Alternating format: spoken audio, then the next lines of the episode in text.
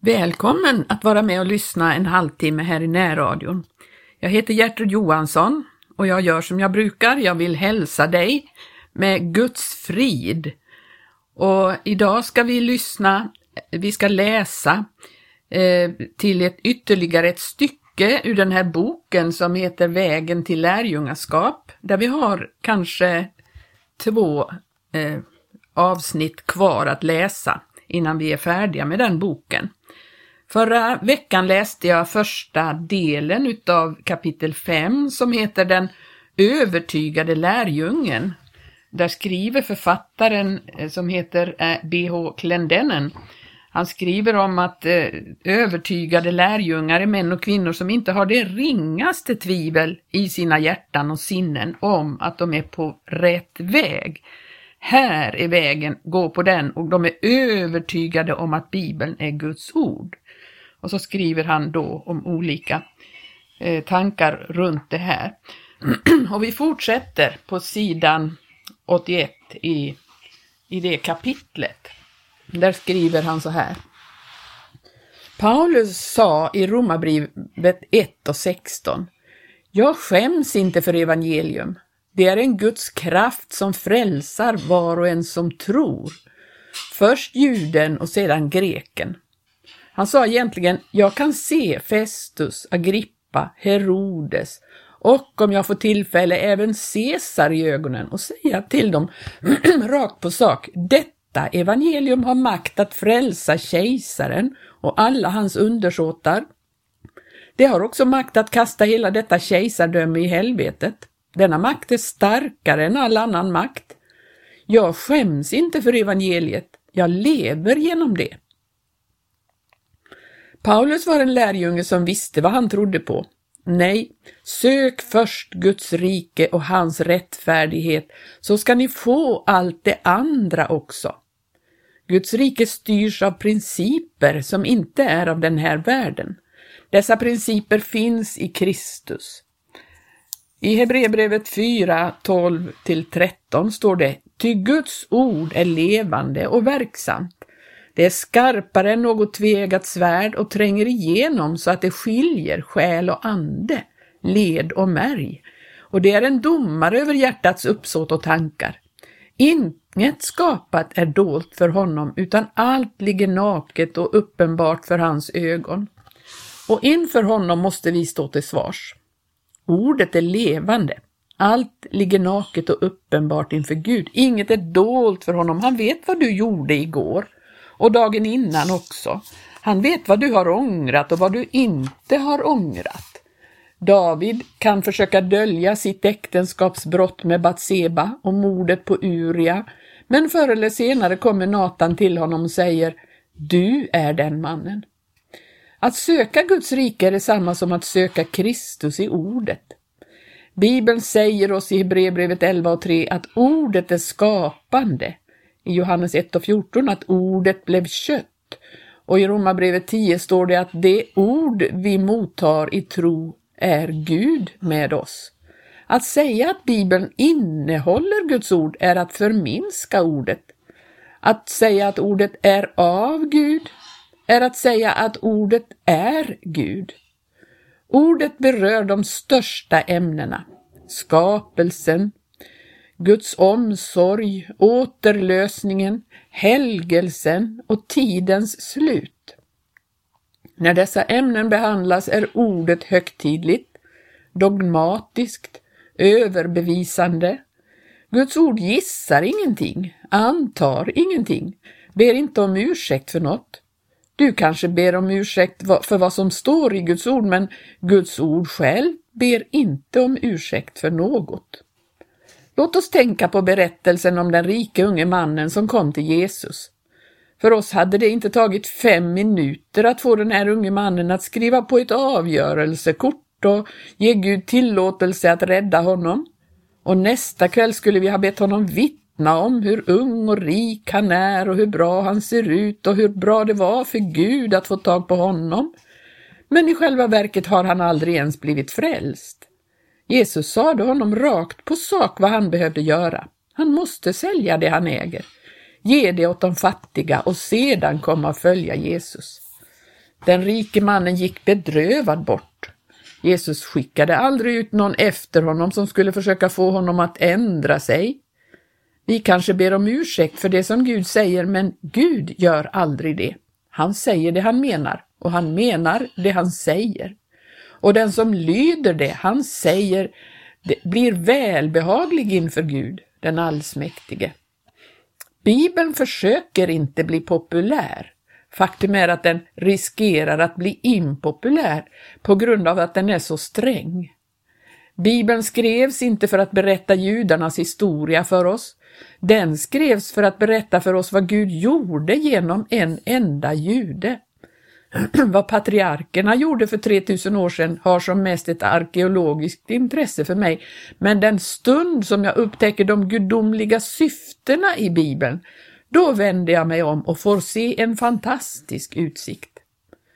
Det är ett under att denna enda bok, Bibeln, kan visa oss historiens ursprung och huvuddragen av Guds handlande på ett sådant tydligt sätt. Johannes sa, Jesus gjorde också mycket annat. Om varje händelse skulle skrivas ner tror jag att inte ens hela världen kunde rymma de böcker som då skulle skrivas. Den helige Ande trängde in i denna oändliga kunskap och lade ner den i en bok som vi kan bära med oss. Det är den bok som blivit utgiven allra mest på jorden. Sanningen i Guds ord kan bara läsas och bli sant förstådd genom den helige Andes verk. Bara den som tar emot den helige Ande kan känna kraften i skriften. Ju mer jag läser denna underbara bok, desto mindre lust har jag att bråka med icke-troende och med kritiker. Kritik kommer och går som epidemier. Den icke-troende resonerar barnsligt. Han argumenterar om Bibelns författare och tidsangivelser, men jag vill höra vad Guds ande säger. Jag vill inte veta vad Moses sa, jag vill veta vad Gud säger genom Moses till mig. Gud kanske säger mer till mig än vad han sa till Moses i de ord han talade till Moses. Jag uppskattar vad Gud gjorde för Maria från Magdala, men jag lever inte under första århundradet. Jag vill veta vad Gud säger idag. Det har liten betydelse vem det var som skrev första Mosebok, men eh, det har stor betydelse för mig att den första meningen i första Mosebok är upphovet till hela Bibeln. I begynnelsen skapade Gud. Sådana ord skulle en människa aldrig själv komma på, utan de är ingivna av Gud. Vi har idag sett en snabb försvagning av de kristnas övertygelse. Unga universitetsstuderande låter icke-troende professorer rasera deras tro. De var inte verkliga lärjungar från början. Jag åkte till Vietnam under kriget och såg unga pingstvänner bli nedskjutna, inte med maskingevär, men genom den här världens helvete. När de unga grabbar som var uppväxta inom pingströrelsen lämnade församlingens varma atmosfär gick de förlorade. De hade aldrig blivit sant övertygade om Guds ords sanningar. Jag tillbringade fyra år i marinkåren under andra världskriget och den enda religion jag hade då var den som fanns i marinkåren. När jag mönstrade frågade man mig, är ni protestant eller katolik? Jag var varken det ena eller det andra så jag sa, jag vet inte. Han svarade, om ni vore katolik skulle ni veta det och kryssade i att jag var protestant. Det fanns ingen skillnad mellan mig och de så kallade religiösa pojkarna. De drack samma alkohol som jag gjorde och jagade samma kvinnor. Enda skillnaden var att de gick till kyrkan. De hade absolut ingen övertygelse. I tre års tid åt, drack och krigade jag ihop med hundratals män som sa sig vara kristna, men det fanns aldrig något hos någon av dem som fick mig att fråga varför är du annorlunda än jag? Detta ändrades dock den dag en 18-årig pojke skickades till mig som förstärkning. Vi hade haft en del hårda strider och förlorat många män. Jag var sergeant och han ställdes under mitt befäl. Han var cirka 18 år, 1,80 lång och hade ett Nya testamente i sin bröstficka.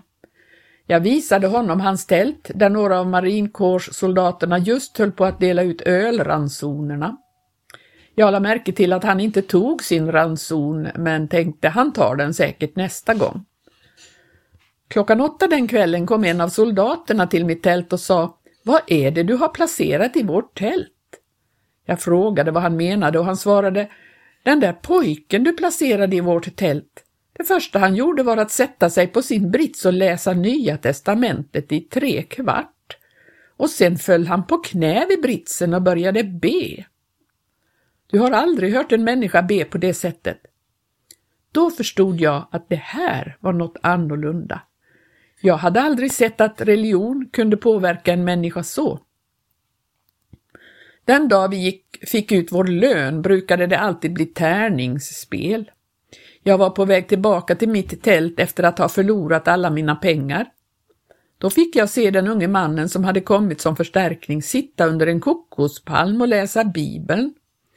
Jag var upprörd över att jag hade förlorat alla mina pengar så när jag såg honom sitta där och läsa sin bibel så sa jag något skarpt till honom.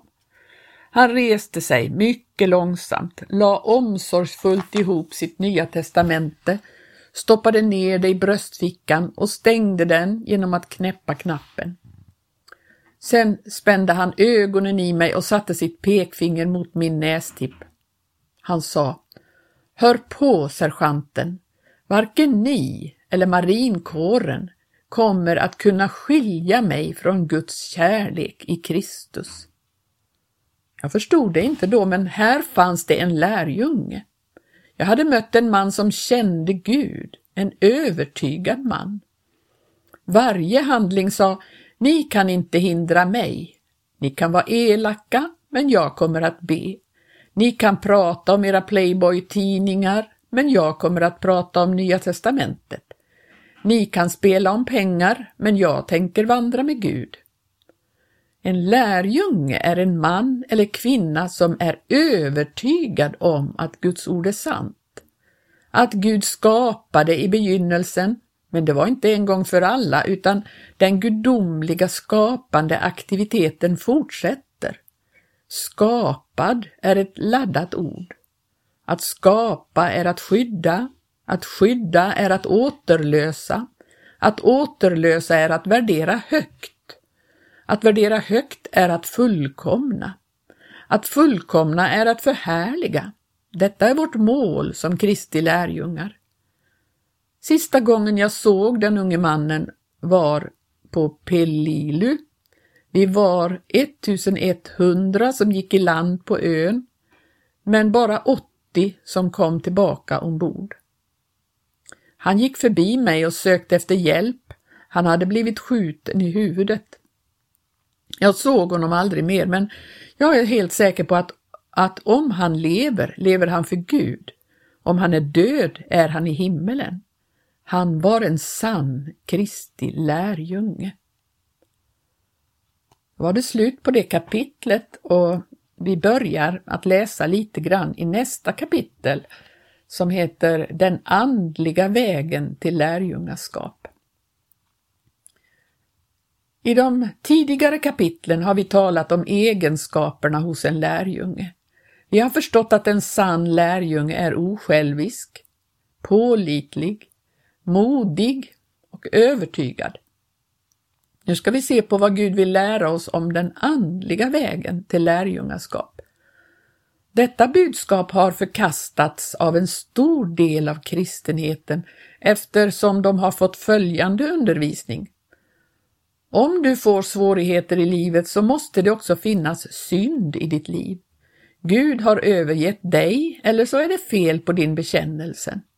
Men i själva verket är det så att den största svårigheten du kommer att stöta på under din vandring med Gud är att det finns en ond värld därute som Gud kommer att låta dig bli utsatt för tills du formas till Kristi avbild.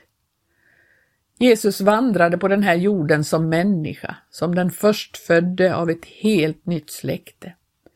Petrus sa, detta har ni blivit kallade till, Kristus led ju i ert ställe och efterlämnade ett exempel åt er för att ni skulle följa i hans fotspår. Gud sa om honom, du är min son, den älskade, i dig har jag min glädje. Gud har aldrig sagt så om någon annan människa än Jesus. Gud talade om sin plan för att underrätta oss om vad som väntar i vår andliga fostran. Han kommer nämligen att forma oss till sin sons avbild, i vilken han har sin glädje genom att vi föds, fylls och leds av hans helige Ande. Det innebär att en dag kommer den nya människan, församlingen, att vakna och vara lik honom. Och Gud kommer att kunna säga Detta är min församling, i dig har jag min glädje. Hela Guds syfte under våra liv här på jorden är att andligt sett göra oss till ett med Kristus. Hela denna förvandling kommer att ske under vårt liv här på jorden. Det finns ingen skärseld, inget mellanläge, bara nuet och det som kommer sedan. Den orättfärdige må fortsätta att göra orätt, den orene att orena sig, den rättfärdige må fortsätta att göra vad som är rätt och den helige att helga sig. Står det i Uppenbarelseboken 22 och 11. Med andra ord, som trädet faller ska det ligga. Det är i det här livet som Gud har för avsikt att andligt sett förvandla oss till Kristi avbild. Det är inte en fysisk förvandling utan en andlig och moralisk. Slutet på vår kristna väg är att vi blir lika Kristus. Denna väg börjar kraftfullt i det synligas sfär, i det som är märkbart, i det vi kan se och känna. I början ger Gud sin nåd på ett sådant sätt att vi lär känna honom genom våra sinnen. Känslor blir varma av vad Gud har gjort för oss. Det finns inget som berör våra känslor så djupt som att verkligen bli född på nytt. När jag gick in i kyrkan var jag alkoholist på väg mot helvetet. När jag kom ut igen var jag född på nytt och nykter. Jag var fri. Du kunde ha staplat krogarna uppe på varann men jag skulle ändå ha vandrat gatan fram och sjungit En underbar förvandling i mitt liv har skett sen Jesus i hjärtat kom in. Jag fröjdar mig över vad Gud har gjort för mig. Självklart har man känslor. Allt är så underbart. Gud har gripit in. Allt börjar med det man ser. Den nyblivne kristne har den första tiden ett starkt immunförsvar, precis som ett nyfött barn. Gud har gjort det så att den nyfödda har ett starkt immunförsvar de första sex månaderna så att de ska bli starka nog att kunna klara av mässlingen, röda hund och andra sjukdomar. Det är likadant med en nyfödd kristen. Gud ger honom näring på det enda sätt den nyfrälste känner till, det han kan se. De nyfrälstas vittnesbörd är detta, jag är frälst, jag är välsignad, jag är förlåten och jag är helad. Allt har att göra med dem själva och vad de kan se och känna. De är som mannen som vann högsta lotterivinsten. Han gick till sängs som en fattiglapp, men när han vaknade var han miljonär.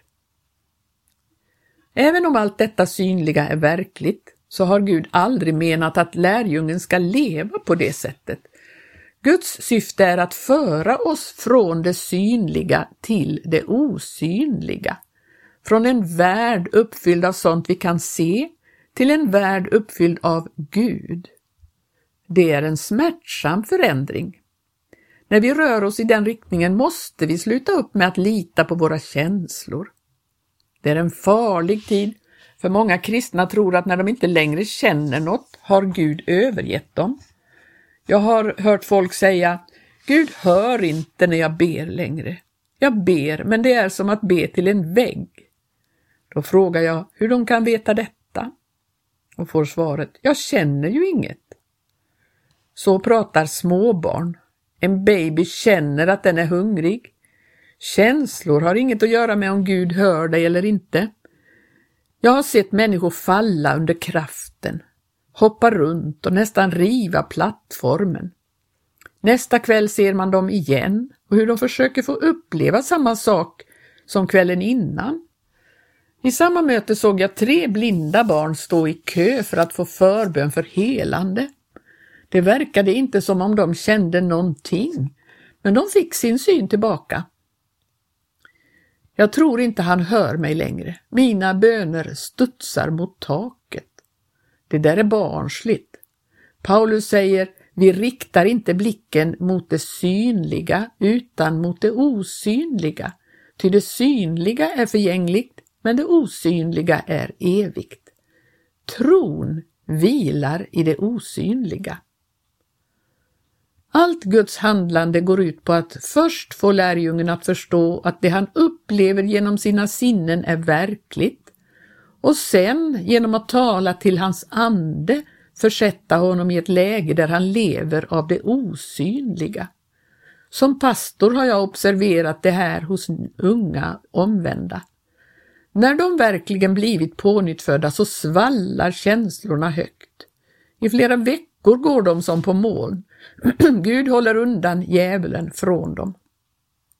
Men du måste hålla ett öga på dem. I början sitter de på första raden och jublar. Men nästa vecka sitter de längst ner och ser ut som att mamma just har dött. Om du frågar dem vad som är fel svarar de, jag vet inte, jag känner inget. Jag har inte talat i tungor på två dagar. Jag kände det så underbart förut och såg Gud i allting. Nu finns han ingenstans. Det är uppenbart att Gud har påbörjat den smärtsamma processen att flytta fokus från det synliga till det osynliga, från känslor till att inget känna. Om vi inte tillåter detta skeende i våra liv kommer vi alltid att vara modfällda och frustrerade i vår vandring med Gud.